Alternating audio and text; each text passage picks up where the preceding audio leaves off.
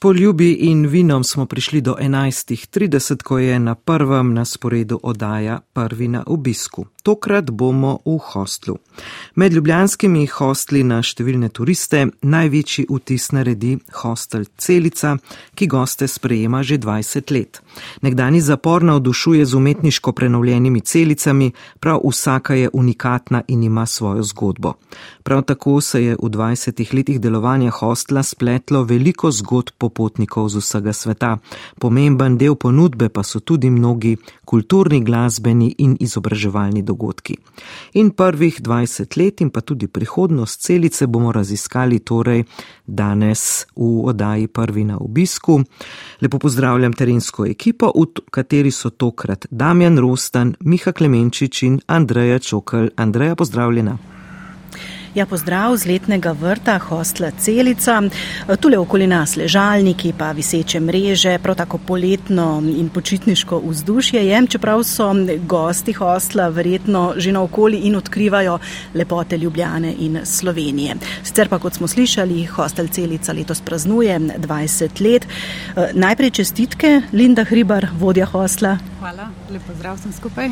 No, morda, ko sem ravno omenila, da so popotniki že na okolju, okoli, ne že odkrivajo uh, Ljubljano in Slovenijo. Koliko gostov trenutno prenočuje pri vas? Uh, v tem trenutku se pravi, imamo polno hišo, uh, to je 92 ljudi. Um, sezona se nam je v bistvu začela že takoj po uh, veliki noči. Se mi zdi, da je v Ljubljani tak en uh, menik za um, nek začetek. Uh, in od takrat, se pravi, od tiste velike noči smo kar več ali manj polno zasedeni. Kakšna je letošnja sezona, če vas vprašam tako, kaj se še napoveduje? Veliko se je govorilo, da bo letošnja spet tako dobra, recimo kot je bila tista rekordna 2019. Ja, vse številke se kar uspešno približujejo oziroma smo že tam in se mi zdi tudi, da sploh tale poletna sezona bo en tak velik boom po teh dveh letih zatišja, tako da se mi zdi, da bo kar padle predkoronske številke. Eh, hostel Celica je prve goste sprejel julija leta 2003, od takrat se jih je tu zvrstilo ogromno. Bi morda lahko ocenili koliko? Um, zdaj celotne številke nimam, ampak recimo, če pogledamo tisto rekordno 2019 leto, um, se, smo ustvarili crka 25 tisoč nočitev, se pravi, se je skozi naša vrata šlo nekih 12 tisoč uh, gostov. Kako pa ste preživeli koronsko obdobje? Um, precej mirno, uh, ampak smo v tistem obdobju svoje prostore namenili um, prostovoljcem Rdečega križa, pa uh, osebju kliničnega centra, se pravi takrat, ko je bil uh, ukinjen javni uh, prevoz, smo jim dali svoje sobe v, v to javno korist, zato da so lahko upravljali svoje delo. No, zanimiva je seveda zgodovina in pa nastanek samega hostla Celica. Gre za nekdani zapor. Um, Janko Rožič, arhitekt, uh, vi ste bili pravzaprav od vsega začetka zraven.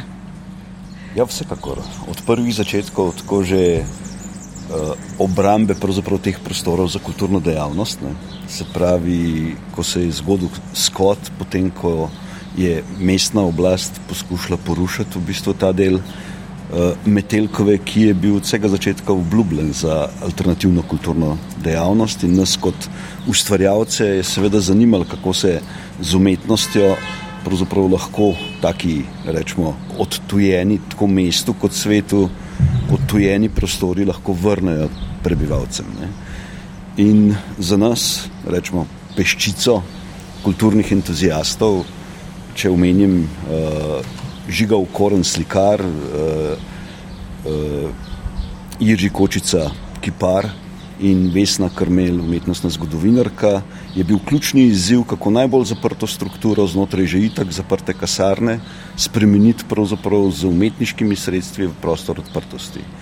Kako ja. prostor represije spremeniti v bistvu prostor človeške ekspresije, kjer je vsak kot človek povabljen, da odreagira kreativno.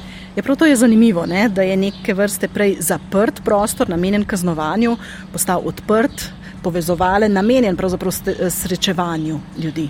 Ja, to je bilo od vsega začetka tako rekoč naša ključna vizija, ne? da se pravzaprav tudi tako historično na nek način lahko rečemo tudi opustošen prostor, bil je že začet, recimo ali pa načet odrušanja, vendarle lahko spremeni z spremembo perspektive, pa hkrati ne spremembo ali pa s pozabo zgodovinskega spomina v prostor novega srečevanja, kjer dejansko lahko tudi preprečimo, recimo, ne, da bi se mogoče taki prostori tudi naprej v bodočnost tako rekoč gradili na tak način. Ne.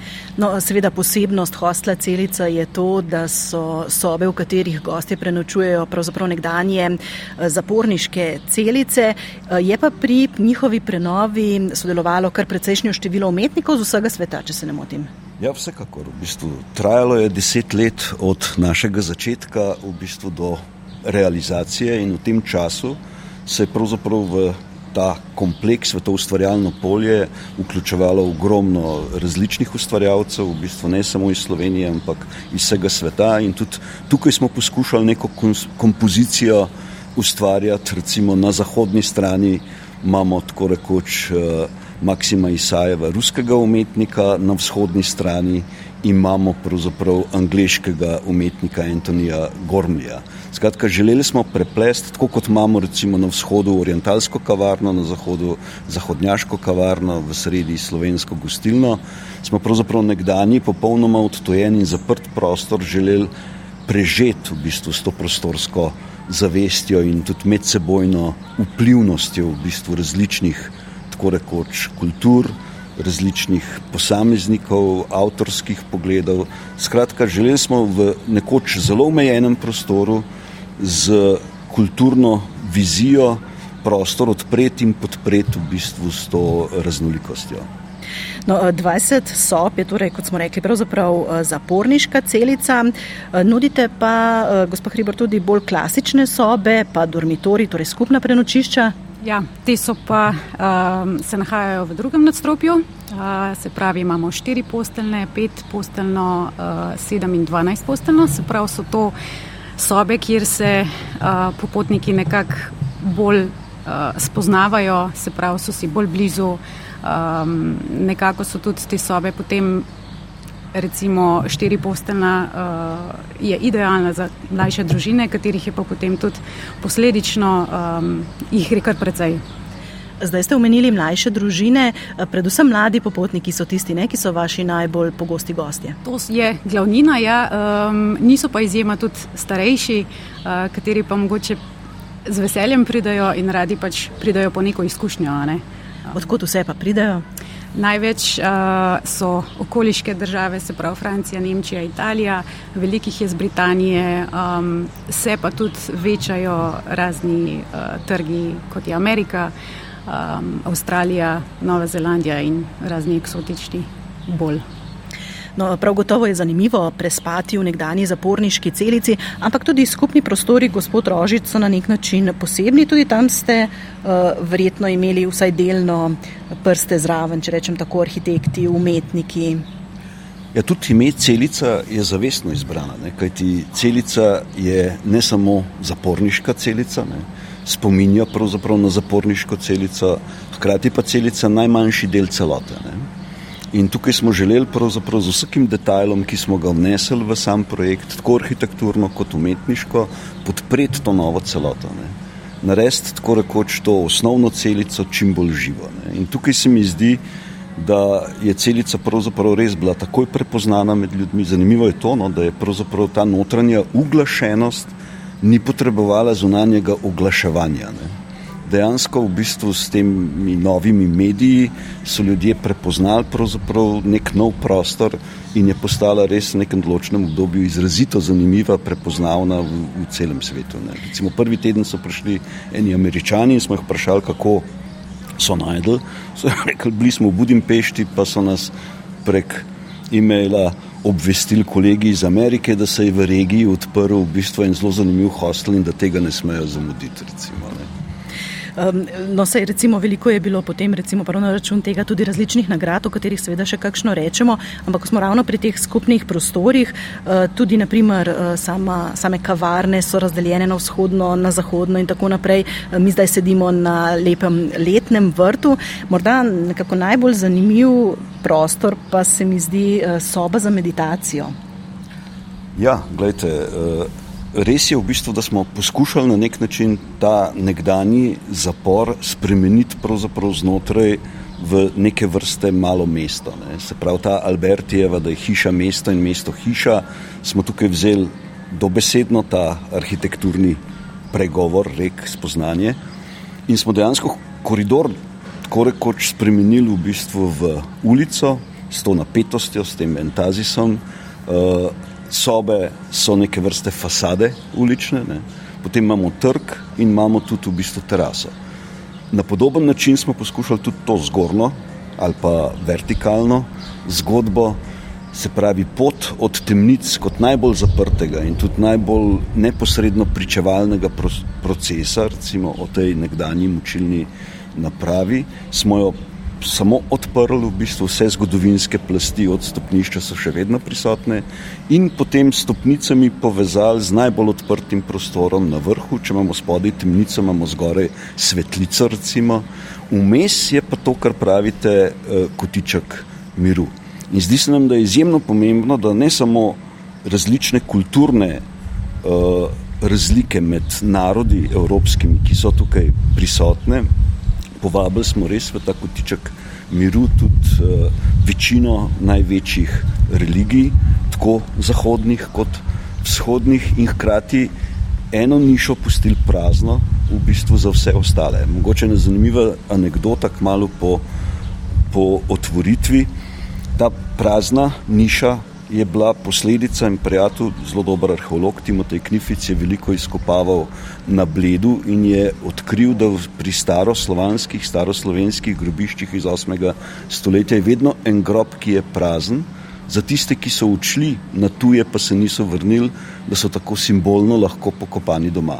Meni se je to zdela zelo lepa misel in smo tukaj rečemo, ugradili, potem pa pride nekdo iz grške ambasade in reče: Oh, wonderful, you have a niche for an unknown god.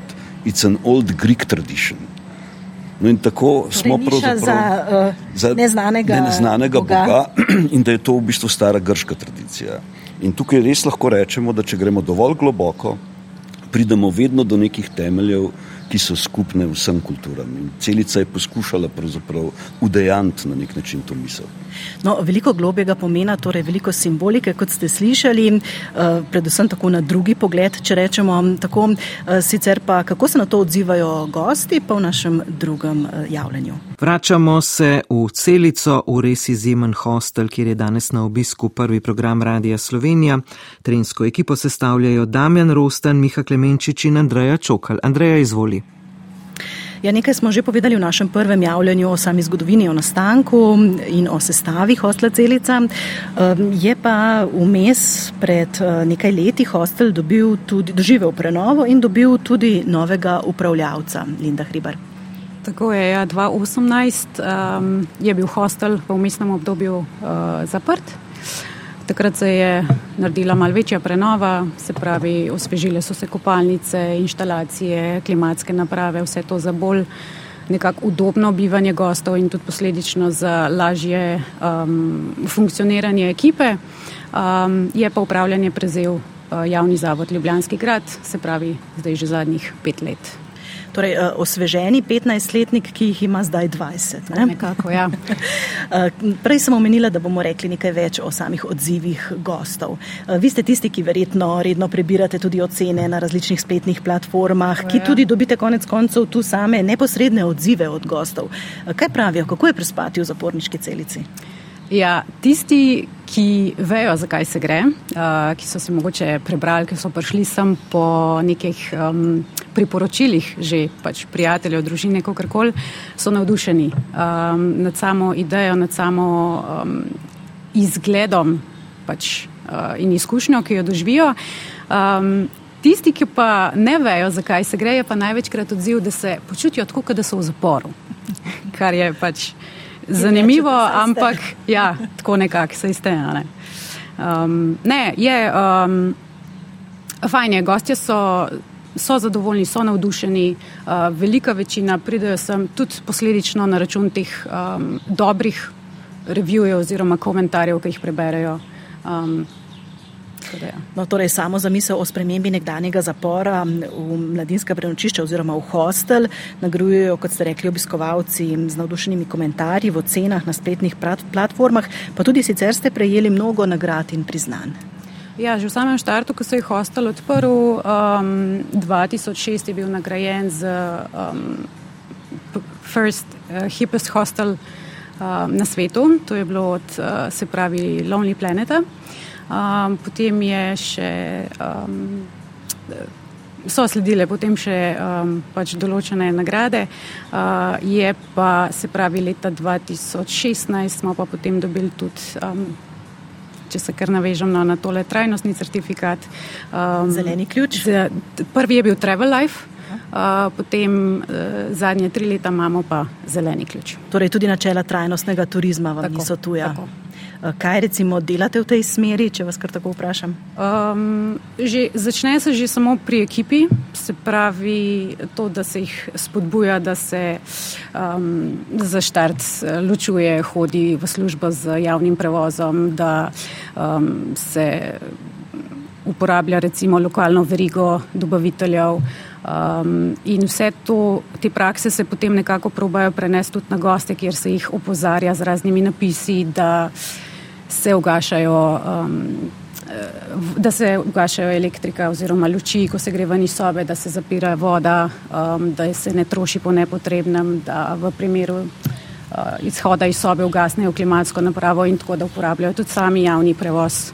Um, in velik, moram reči, da se pozna, tudi istočasno na komentarjih, ogromno jih opazi to, um, ta trud za trajnost. In to je tudi bistvo, ne, da oni potem to nesajo naprej in probajo tudi sami to prakticirati. In verjetno ne tudi prihodnost eh, hotelirstva oziroma turizma nasploh. Ja. Sicer pa je v hostlu celica pester tudi kulturni program, pa ostalo dogajanje. Aleksandar Jovanovič, eh, vi v celici skrbite za kulturno-umetniški program. Kaj vse se tu dogaja, kaj vse se da tu videti? Um predvsem se da no, pač veliko videti in slišati, uh, ker se mi zdi, da naš celoten kulturni program večinoma skozi celo leto temelji na, na rednih koncertih, uh, ki jih organiziramo na, v sodelovanju s KUC sestava, se pravi s kolegom Jankom. Uh, to so tako imenovane sozvočja sveta, cikl koncertov, ki ga imamo vsak torek.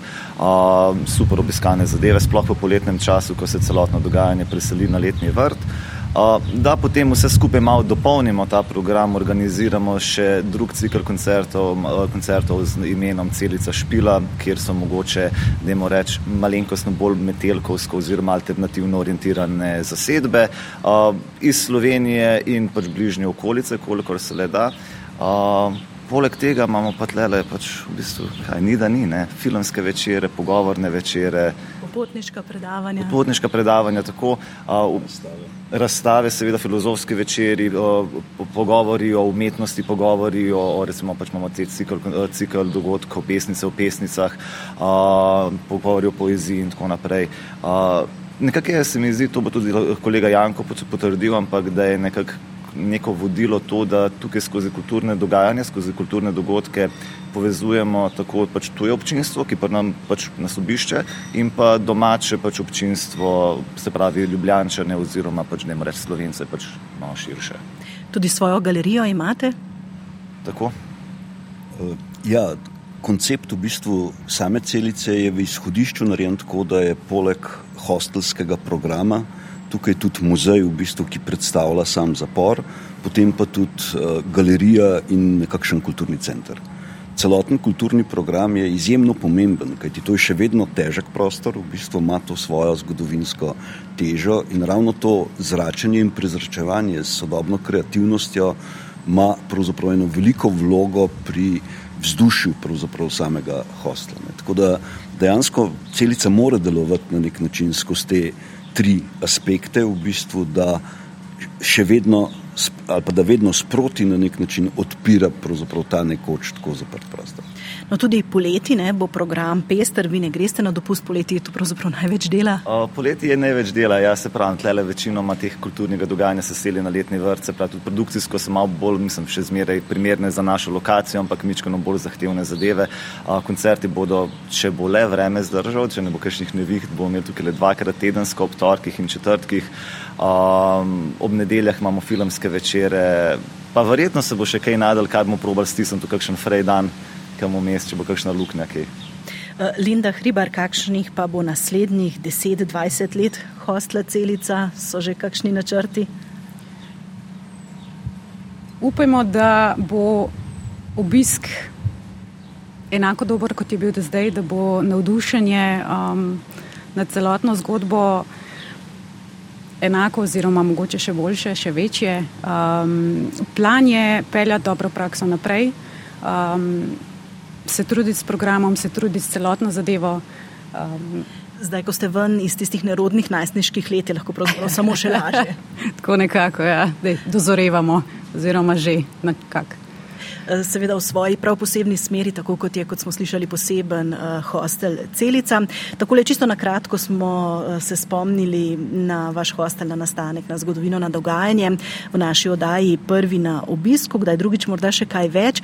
Hvala lepa Janko Rožič, Linda Hribar in Aleksandr Jovanovič za vaša pojasnila in pa seveda se srečamo še kdaj v Celici.